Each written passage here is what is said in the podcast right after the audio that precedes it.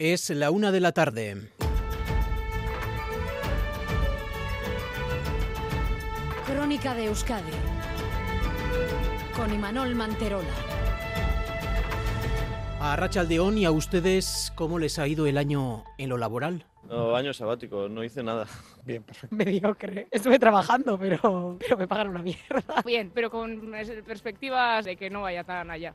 La, la, la valoración es buena. No me puedo quejar, tal y como están las cosas. Bien, se puede decir que bien, estuvo trabajo. Vierra de castigo, castigo bíblico. Vierra de tienes callada. Buah, yo de maravilla. Sí, a mi trabajo no me falta, o sea que bien, muy bien. Hoy hemos conocido los datos de desempleo. Euskadi ha cerrado 2023 con menos parados que el año anterior y con más gente trabajando. El número de cotizantes se sitúa por encima del millón, casi 19.000 más que en 2022 hay no iglesia. Euskadi cierra 2023 con 3.000 desempleados menos que justo hace un año, baja el paro y sube la afiliación porque este año ha sido un año de récord y se ha superado la barrera del millón de cotizantes a la seguridad social, un millón 13.000 al terminar diciembre. También baja el paro en Navarra, 1.600 desempleados menos que un año atrás y hay ya más de 305.000 personas afiliadas en la comunidad foral. Es la tónica general en el conjunto del Estado, donde el cierre de año ha sido muy positivo, récord histórico en el número de cotizantes y la cifra de parados es la más baja de un mes de diciembre desde hace 16 años. Pues en lo laboral, atención porque tal como se anunció, desde hoy el personal médico y de enfermería extracomunitario ya puede apuntarse a las bolsas de trabajo de Osakidecha. Lo pueden hacer desde hoy mismo, Natalia Serrano. Sí, luz verde ya de manera efectiva esa contratación de extracomunitarios en Osakidecha tras la reforma de la Ley Primero de Empleo Público, la aprobación de la nueva Ley de Salud Pública Vasca este de hoy ha sido el último paso con la publicación oficial en el Boletín Oficial del País Vasco. Así el personal extracomunitario ya puede inscribirse en bolsas de empleo y ser contratado temporalmente en Osakidecha y finalmente lo puede hacer hasta en 55 especialidades. Así que finalmente las contrataciones por falta de personal no se limitan a las carencias conocidas en medicina de familia y pediatría, sino que se abren a 55 especialidades.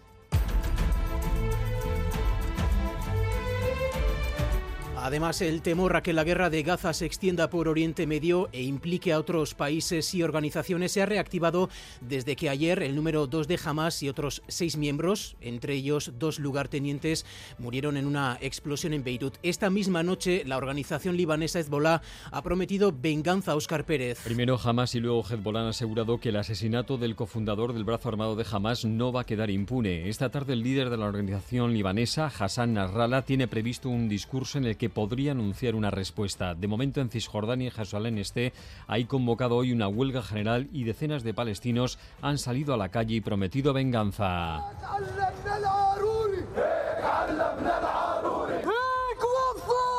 Oficialmente ni el ejército ni el gobierno israelíes han confirmado su autoría. Incluso un asesor de Netanyahu ha dicho en televisión que Israel no asume la responsabilidad del ataque en Beirut.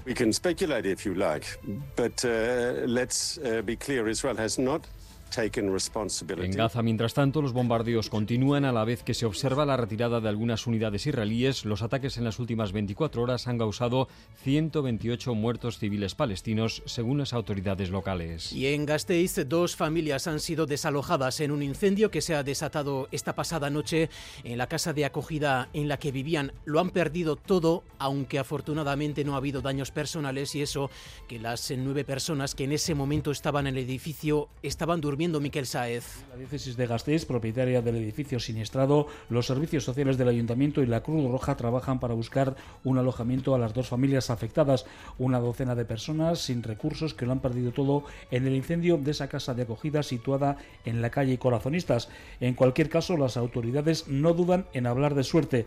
La alerta de un taxista y la rápida actuación de la policía local han evitado una tragedia, ya que las nueve personas eh, desalojadas estaban dormidas y pocos minutos minutos después de ser evacuadas, el tejado del inmueble se venía abajo. Y este 3 de enero, tres imágenes habituales cada año, los preparativos para las cabalgatas de los Reyes Magos, las colas para la Lotería del Niño y las rebajas o prerrebajas.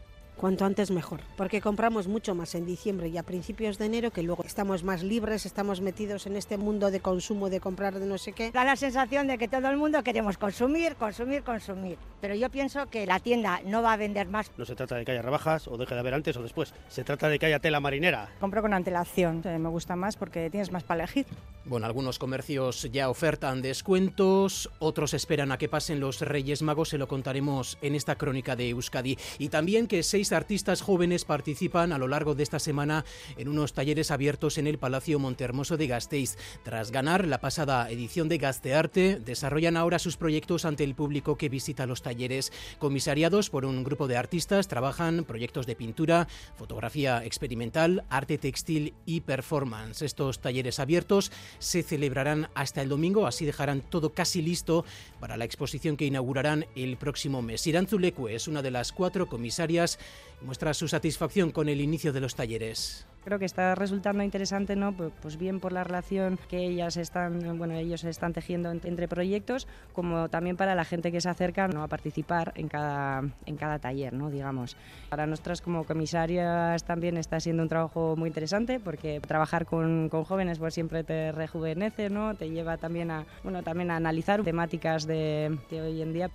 Vamos ahora con los titulares del deporte. César Pérez Gazola, Zarracha León. Gracias, Don Imanol. Este miércoles es protagonista del baloncesto con el partido de Basconia en el Buesa de Euroliga ante Panathinaikos y también la última jornada de la Liga Andesa Femenina en cuanto a su primera vuelta en Vitoria. El equipo de Dusko Ivanovic recibe al Panathinaikos. Desde las ocho y media vuelve Luca Vindoza con un equipo el griego que llega enrachado al haber ganado sus últimos eh, cuatro encuentros. Y también hoy juegan nuestros tres equipos de la Liga Endesa Femenina, con el IDK de Zumuguruza ya clasificadas para la Copa y el Araski de Madurieta sin opciones. Esta tarde lo Guernica, si gana, estará en la cita Copera de marzo en Huelva. Los tres partidos desde las 8, Celta de Vigo Lointec y de Caferrol en el Gasca, en Donostia y en Vitoria, Araski Laseu en Mendizorroza. En cuanto al tiempo, tras una mañana nubosa, por la tarde se irán abriendo claros y el viento se fijará del oeste, notándose sobre todo en la costa. Esta noche a partir de las 9 y también mañana estaremos en aviso amarillo por riesgo marítimo y de navegación, con olas que pueden alcanzar los 3 metros de altura. A esta hora tenemos 15 grados en Bilbao, Donostia y Bayona, 13 grados en Gasteiz, 11 en Iruña. Y en cuanto al tráfico, precaución a esta hora en la Nacional 1 en Tolosa, sentido Gasteiz. Dos coches han chocado, no hay heridos, pero los vehículos ocupan parte de la calzada Nacional 1 en Tolosa, sentido Gasteiz. Así arrancamos esta crónica de Euskadi. Reciban el saludo de Raúl González y Joseba Urruela en la coordinación técnica, María Cereceda en la coordinación. Crónica de Euskadi con Imanol Manterola.